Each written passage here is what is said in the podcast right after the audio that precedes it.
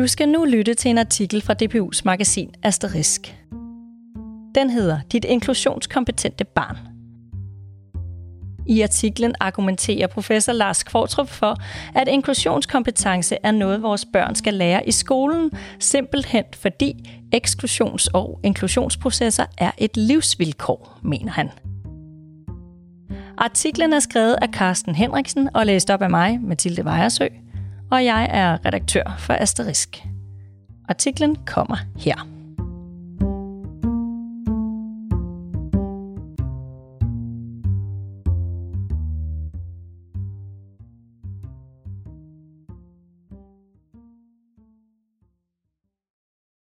Hverdagen vrimler med eksempler på en af grundlovene for vores sociale liv med hinanden.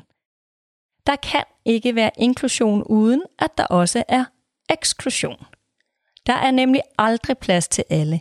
Ikke på samme tid og sted. Og i samme sammenhæng i hvert fald. Når vi taler om inklusion i skolen i snæver forstand, handler det selvfølgelig om, hvordan børn med diagnoser, børn som er ordblinde eller bruger kørestol, eller børn med særlige behov kan indgå i undervisning og klassefællesskaber på lige fod med andre. Men vi bør samtidig se inklusion i et bredere perspektiv, mener Lars Kvartrup, professor ved DPU Aarhus Universitet. Fordi ind- og eksklusionprocesser foregår overalt i tilværelsen, er det noget, skolen bør ruste børnene til at håndtere. Lars Kvartrup peger på det indbyggede paradoks i selve begrebet om inklusion. Han siger, man kan ikke inkludere nogen uden at ekskludere andre, fordi alle inklusionsprocesser indebærer, at der sættes grænser. Når man vil inkludere nogen i en klasse, afgrænser man denne klasse i forhold til noget uden for klassen. Man kan ikke være med i en gruppe af venner, uden at der er nogen, der ikke er med i den gruppe. Den paradisiske forestilling om, et altomfattende fællesskab, hvor der ikke er nogen uden for dette, lader sig ikke realisere i virkelighedens verden, siger han. Det betyder, at lærerne kan lægge endnu en opgave oven i de forvejen store bunker, der knytter sig til skolens inklusionsarbejde. De skal arbejde på at skabe inkluderende læringsmiljøer og fællesskaber, men samtidig håndtere inklusionens indbyggede paradoks i hverdagen sammen med og over for eleverne. I bogen Inklusion, den inklusionskompetente lærer, pædagog og elev, som Lars Kvartrup udgav i 2015 sammen med Ane Kvartrup, argumenterer de to forfattere i midlertid for, at såkaldt inklusionskompetence ikke kun er noget, lærer og pædagoger skal have. Det er også en kompetence, eleverne skal tilegne sig. Lars Kvartrup forklarer nærmere. Inklusion bliver ofte opfattet som en opgave, der påviler lærere og pædagoger i samarbejde med forskellige aktører uden for skolen. Vi forventer, at skolen sørger for at være rummelig og inkluderende, men samtidig er inklusion en af de ganske få aktiviteter i skolen, som ikke har noget læringsperspektiv. Det er indlysende, at eleverne skal lære noget i fag som matematik og engelsk, og vi taler også om, at børnene skal udvikle sociale kompetencer og lære at arbejde sammen med andre. Jeg synes, det er mærkeligt, at man ikke også taler om inklusion i et pædagogisk perspektiv, perspektiv som noget eleverne skal lære, siger Lars Kortrup. Det, han mener, skolen bør lære børnene, er at kunne håndtere det paradoks, at den enkelte skal have samtidige oplevelser af at være inkluderet og ekskluderet, og når man inkluderer nogen, indebærer det uundgåeligt, at man samtidig ekskluderer andre. Når for eksempel William spørger Oliver, om de to skal være venner, så vil Oliver blive skuffet, hvis også William derefter spørger alle andre i klassen, om de også skal være venner. Og omvendt vil Oliver føle sig udenfor, hvis han gerne vil være venner med William, men William ikke spørger ham, men Tobias og Christian. At være med i en gruppe forudsætter, at det er vores gruppe, og at der derfor er nogen, der uden for gruppen forklarer Lars Kvartrup og fortsætter. Som elev skal man lære at håndtere disse ind- og eksklusion-mekanismer. Man skal lære at lytte til de andre elever i klassen, og at alle ikke kan tale på én gang, siger Lars Kvartrup og fortsætter. Ind- og eksklusion viser sig også i, at der er en rækkefølge for, hvem der har ordet, og at mens de andre taler, skal man tige stille. Hvis Ella har en legeaftale med Sofie, betyder det jo der, betyder det jo ikke dermed, at alle de andre i klassen har ret til også at møde op. Det sociale fællesskab vil bryde sammen, hvis alle hele tiden havde ret til at deltage aktivt samtidig. Børns tilværelse er i langt højere grad, end vi normalt forestiller os, præget af utallige inklusions- og eksklusionsmekanismer, og der ligger derfor en kæmpe pædagogisk opgave i at gøre børn inklusionskompetente, hvilket altså indbefatter evnen til at kunne håndtere de eksklusionsprocesser, man uværligt kommer ud for, siger Lars Kvartrup. Inklusion bør altså også have et læringsperspektiv, fordi det er noget, børn skal lære for at kunne begå sig. Men det rækker ud over skolen, mener Lars Kortrup. Det er noget, man får brug for at kunne resten af sin tilværelse. Han forklarer hvorfor. Som funktionsdygtig samfundsborger skal man kunne mestre de ustandslige ind- og eksklusionsprocesser, der foregår overalt, hvor man har med mennesker at gøre i uddannelsessystemet, på arbejdsmarkedet, i det offentlige liv og i private relationer. Hvis man søger et job, så betyder det ikke, at man dermed har ret til at få jobbet.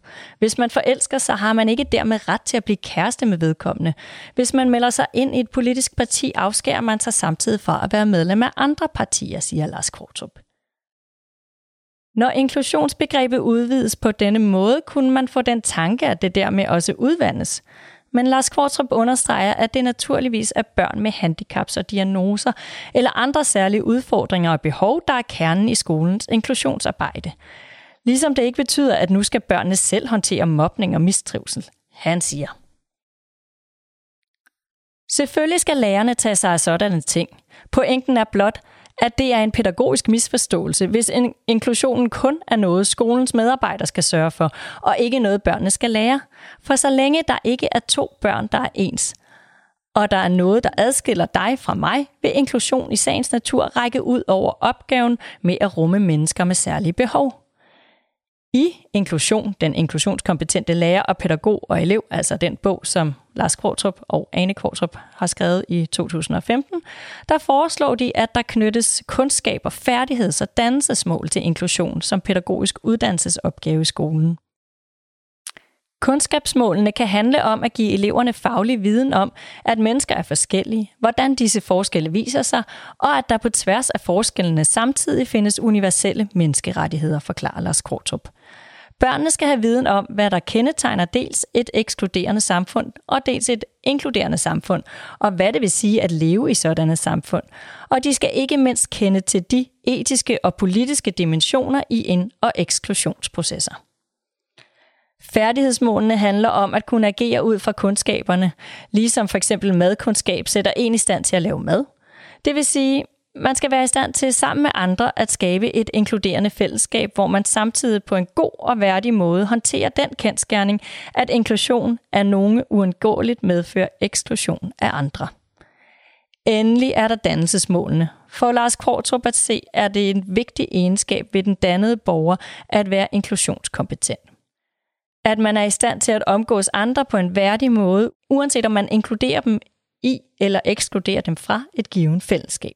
Han siger, at kunne sige til en ven, i dag er det ikke dig, jeg vil være sammen med, for jeg har en aftale med en anden på en ordentlig måde. Selvom det er ekskluderende, er en helt afgørende del af dannelsen. Ligesom det at kunne gennemføre en ansættelsessamtale med fem kandidater til et job, og bagefter kunne sige til de fire af dem, der var fem kandidater, og vi har valgt en, og det blev desværre ikke dig på en ordentlig måde. Så det bliver værdigt for alle.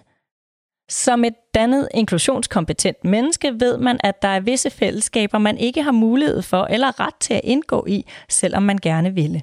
Og man ved, at det er der ikke noget principielt forkert i, fordi sociale fællesskaber netop fungerer ved, at de sætter grænser.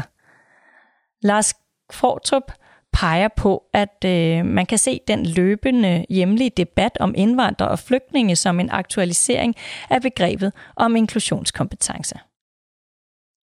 På tværs af det politiske landskab er der efterhånden enighed om, at det danske fællesskab ikke kan optage alle, der gerne vil være del af det.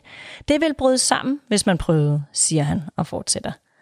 Det store spørgsmål er så, hvordan vi håndterer det, det forhold, at der ikke er plads til alle, samtidig med, at vi er etisk forpligtet på at behandle alle mennesker med, værdige, med værdighed og politisk forpligtet på at bidrage til at finde andre løsninger, så vi ikke bare selvtilstrækkeligt lukker ringborgen om os selv. Hvis børn kommer ud af skolen og er rustet til at håndtere sådanne spørgsmål, vil jeg mene, at de har fået nogle afgørende inklusionskompetencer. Ideen om den inkluderende institution vil blive afløst af en idé om den mangfoldige institution. Sådan varslede Lars Kvartrup og Ane Kvartrup i 2015 i bogen Inklusion, den inklusionskompetente lærer, pædagog og elev. Og i dag er flere og flere kommuner og skoler, der også begyndt at tale om mangfoldighed i stedet for inklusion, fortæller Lars Kvartrup. Hver gang, siger han, man opfinder et nyt begreb i skolen, bliver det slidt op efter nogle år, og man øh, kan så spørge, hvad det næste toneangivende begreb så bliver. Jeg vil anbefale mangfoldighed som det næste begreb. Heller ikke mangfoldighed forhindrer inklusion eller eksklusion, men det sikrer, at der er flere kontekster for inklusion. Passer man ikke ind i en kontekst, ekskluderes man ikke ud i ingenting. Man kan optages i andre fællesskaber inden for skolens rammer – det er nemlig et afgørende træk ved den danske folkeskole, at den til forskel fra privatskoler, som kan have deres egne pædagogiske eller ideologiske profiler som konkurrenceparameter, er forpligtet på social mangfoldighed. Folkeskolen er det eneste og måske sidste sted, hvor børn af alle afskygninger og med alle slags egenskaber og baggrunde er samlet i det samme fællesskab, siger Lars Kortrup.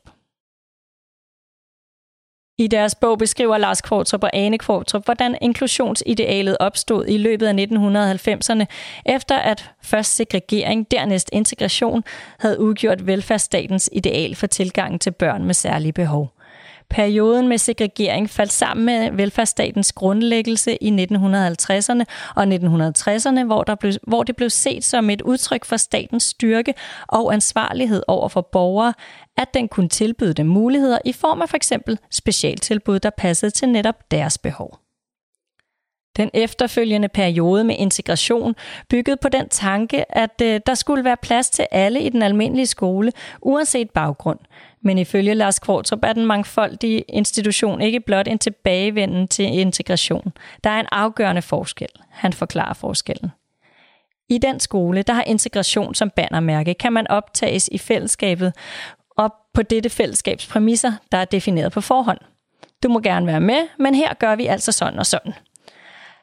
Det mangfoldige derimod viser sig ved, at fællesskabet er dynamisk. Det defineres nedefra af dem, der deltager i det, og det defineres hele tiden på ny, når der kommer nye deltagere til.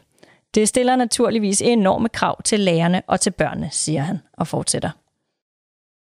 Men det er et mere sandfærdigt billede af, hvordan det er at være borger i et moderne samfund – Medmindre man forestiller sig, at vi kan håndtere kompleksitet, som det jo i virkeligheden handler om, hvad enten vi kalder det inklusion eller mangfoldighed, ved at sortere folk allerede ved indgang til børnehaven, til skolen, til arbejdspladsen eller til det danske samfund, afhængig af, hvad det nu er øh, for et fællesskab, vi taler om. Selv nok så meget mangfoldighed får dog ikke diagnoserne, ord- og talblindheden og de fysiske handicaps til at forsvinde. Ligesom det ikke ændrer på livsvilkårene for børn i udsatte positioner. De konkrete udfordringer, inklusionen har stået med, vil leve videre i den mangfoldige skole. Man kan sagtens frygte, at idealet om den mangfoldige skole er en utopi. Det vil kræve rigtig mange ressourcer, og realiteten vil derfor også snart blive, at den mangfoldige institution består i en blanding af segregering, integration og inklusion. Selvom man taler om mangfoldighed, vil det også være sådan, at man fortsat kan blive nødt til at tage fat om Nellens råd og give nogle børn specialtilbud, siger Lars Kvartrup. Han mener, at inklusionsloven fra 2012 satte forventningerne for højt.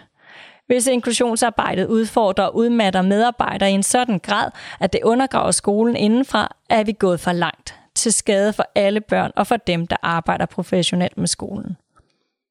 Min konklusion vil være, siger han, at vi i den mangfoldige skole ikke ser segregering, integration og inklusion som adskilte faser, der gensidigt udelukker hinanden, men som en palet af muligheder, der supplerer hinanden. Mangfoldighed er et ideal, man kan kombinere med den realisme, der ligger i at erkende, at mangfoldighed også er et udtryk for kompleksitet, og at der er grænser for, hvor meget kompleksitet man kan rumme i og håndtere i skolen, både som elev og som medarbejder.